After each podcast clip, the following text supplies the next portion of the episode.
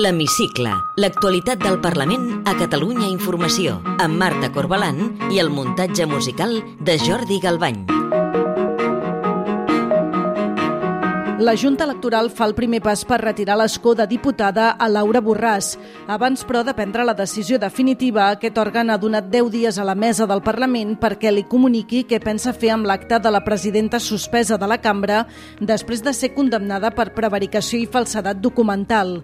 Avui entrevistem el portaveu de Ciutadans al Parlament, Nacho Martín Blanco. Benvinguts a l'Hemicicle. La pilota està ara a la taulada del Parlament, però la Junta Electoral Central, la GEC, ja marca quin serà el desenllaç. Si la mesa no retira l'escó a Borràs, serà la mateixa Junta qui ho farà, tal com va passar amb l'expresident de la Generalitat Quim Torra i amb l'exdiputat de la CUP, Pau Jubillà. Si res no canvia, el Parlament no li traurà l'acte de diputada amb l'argument que el reglament de la cambra impedeix fer-ho fins que la sentència no és ferma. En el cas de Borràs, recordem que encara es pot recórrer al Tribunal Suprem. La GEC, però, ja ha advertit que la llei electoral està per sobre del reglament del Parlament i aquesta llei preveu la retirada de l'escó en delictes contra l'administració pública com la prevaricació, encara que la sentència no sigui definitiva. Tots els partits, menys Junts, han tornat a demanar a Borràs que plegui.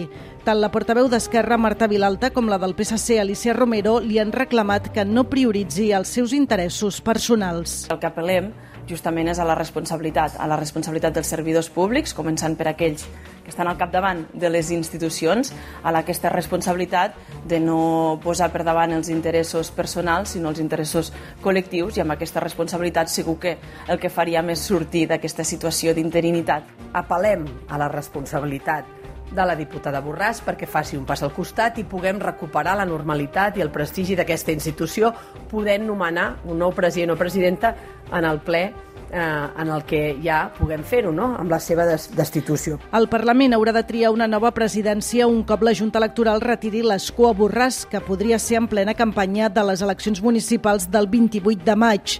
Les negociacions entre partits per escollir el nou president o presidenta s'hauran de fer probablement després dels comicis, en paral·lel a les negociacions postelectorals. Sis mesos després de parlar-ne per primera vegada, el president de la Generalitat, Pere Aragonès, ha revifat aquesta setmana l'anomenat acord de claredat, la seva proposta per resoldre el conflicte polític amb l'Estat. Inspirat en el precedent del Quebec, Aragonès vol consensuar les regles del joc per fer un nou referèndum d'independència a Catalunya i per això vol recollir les aportacions del món acadèmic, els partits, la societat civil i els mateixos ciutadans per després negociar-ho amb el govern espanyol a partir de l'any que ve. Quin independentista pot estar en contra d'un referèndum sobre la independència de Catalunya? Perquè la proposta de claredat que vull plantejar és això, un referèndum sobre la independència de Catalunya en el que entre tots, independentistes i no independentistes, però compromesos amb la democràcia, determinem les condicions sobre les quals considerem legítims els resultats i aplicables. La seva proposta, però, ja neix morta. El govern espanyol hi ha donat un cop de porta i tots els partits menys esquerra també l'han rebutjada, fins i tot els grups independentistes que no veuen res a negociar amb l'Estat. Josep Rius és el portaveu de Junts per Catalunya. La proposta de l'acord de claredat del president Aragonès és una fugida endavant després del fracàs de la taula de diàleg i fa tuf d'electoralisme.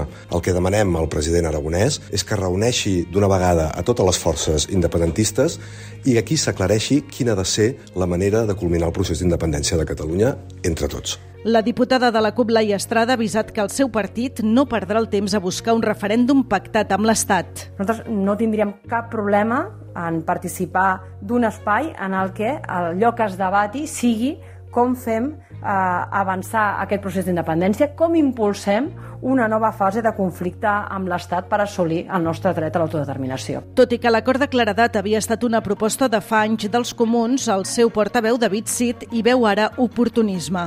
Això del pacte de claretat no, va i ve en funció dels problemes que té o no deixa tenir Esquerra Republicana. És a dir, ho va llançar en el debat de política general en plena crisi amb Junts per Catalunya i ho llança avui eh, no, en plena crisi de la sequera. La portaveu del PSC al Parlament, Alicia Romero, ha rebutjat frontalment un referèndum. És una proposta que de moment neix en minoria, sense cap suport. Creiem que en el fons planteja aspectes divisius de la nostra societat, quan el que pertocaria és doncs, justament intentar eh, tot el contrari. No? Ciutadans, el Partit Popular i Vox han tornat a brandar la Constitució com a únic camí possible.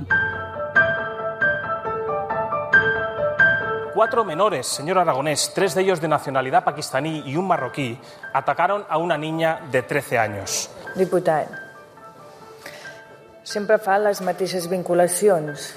Per tant, espero que aquesta vegada no es repeteixi i no sigui igual.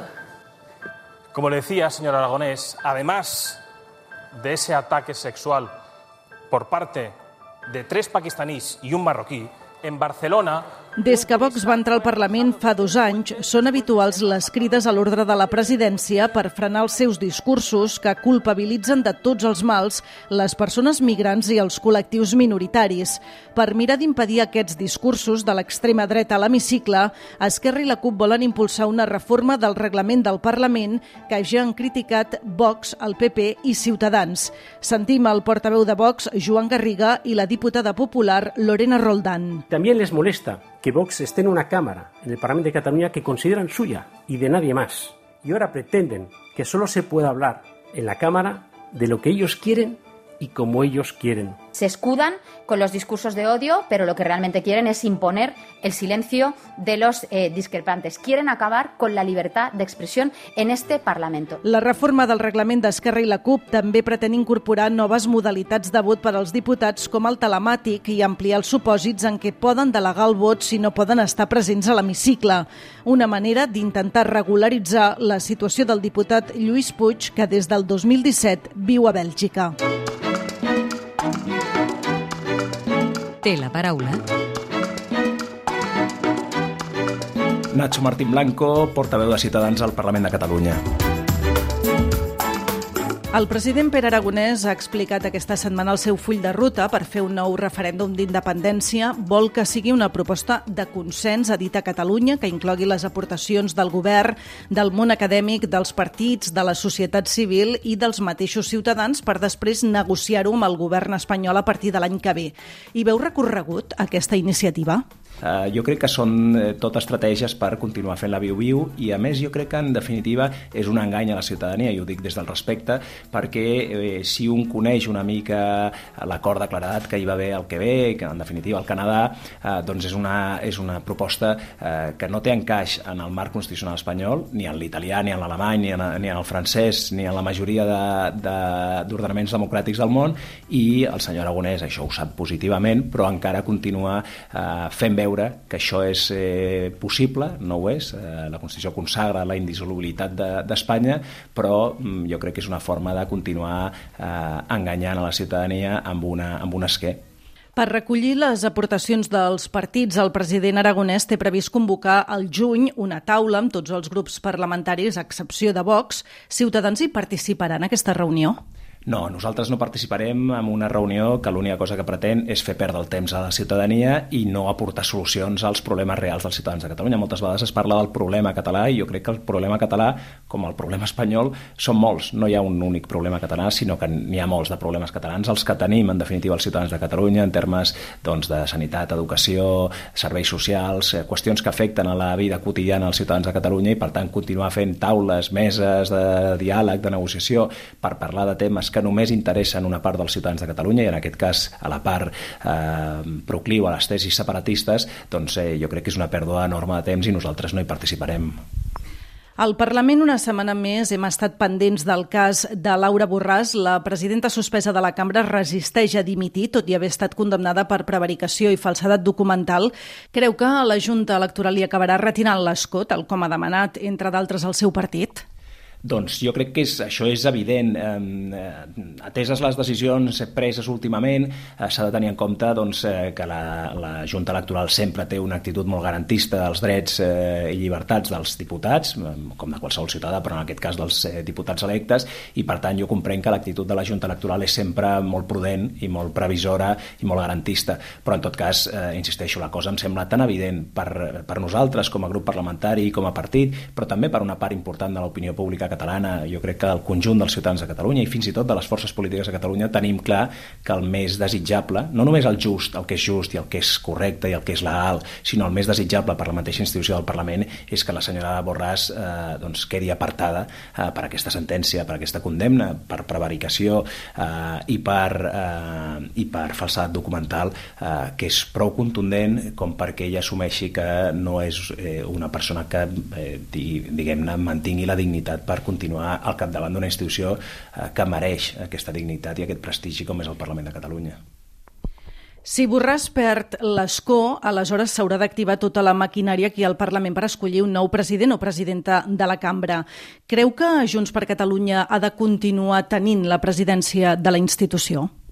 Jo crec que per la institució que Junts per Catalunya continuï mantenint la presidència eh, no és una bona notícia, perquè Junts per Catalunya ha mostrat una actitud antiinstitucional en els últims anys eh, molt evident, una actitud mm, clarament de confrontació amb el marc eh, legal, amb el marc constitucional i amb el marc estatutari, i per tant no crec que sigui un partit eh, que afavoreixi el prestigi de les institucions, però en tot cas, eh, si hi ha d'haver una presidència de Junts perquè hi ha un acord majoritari, doncs no hi tenim res a dir, perquè hi hagi un acord majoritari entre forces polítiques, Esquerra Republicana i Junts per Catalunya, doncs això forma part de la normalitat democràtica, però el que sí que tenim clar que no forma part de la normalitat democràtica és absolutament anòmal, és la pretensió ni de deixar vacant eh, la presidència del Parlament com si fos una mena de mite, una, una mena d'icona eh, pop, la senyora Borràs. Abans que la tingués Junts per Catalunya o que la tingués algun partit independentista com Esquerra o com podria ser la CUP, eh, Ciutadans preferiria que fos el PSC qui tingués la presidència com a primera força del Parlament?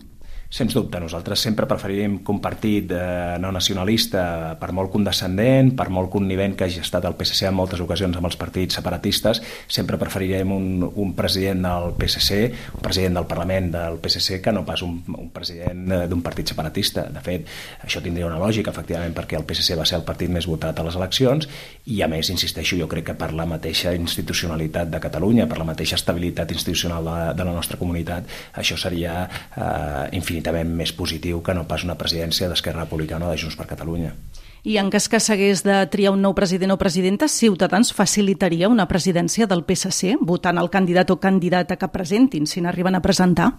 Ho estudiaríem, efectivament, i ho estudiaríem, eh, diguem-ne, amb aquest criteri que et comentava abans, que efectivament per nosaltres, com a opció, eh, un president o una presidenta del PSC sempre serà millor que un president o presidenta d'un partit separatista. Aquesta setmana també hem conegut que Esquerra i la CUP volen impulsar una reforma del reglament del Parlament per frenar, diuen, els discursos de l'extrema dreta de Vox. Pretenen, diuen, prohibir els discursos d'odi a l'hemicicle i estan d'acord.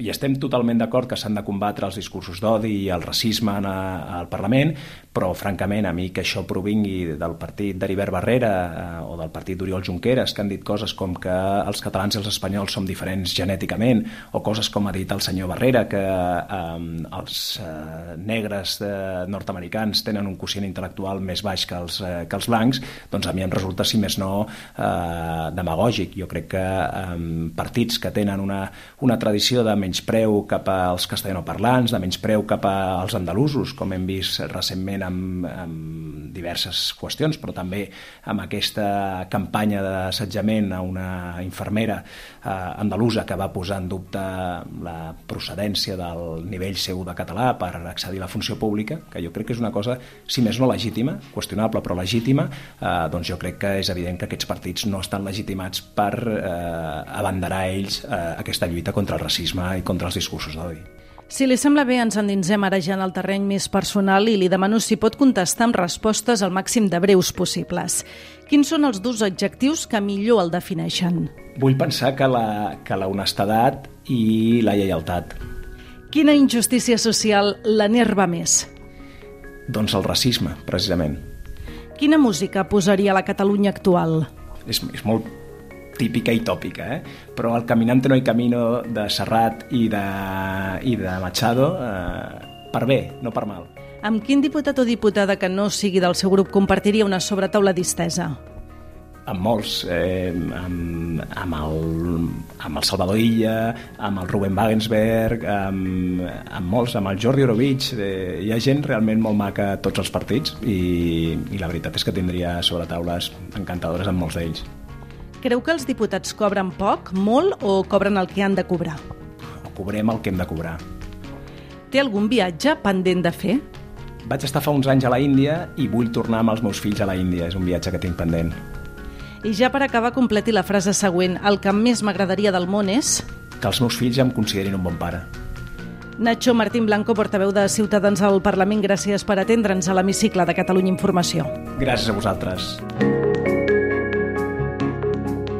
Podeu tornar a escoltar l'hemicicle al web catradio.cat barra hemicicle o al podcast del programa i seguir l'actualitat del Parlament al perfil de Twitter arroba L-hemicicle.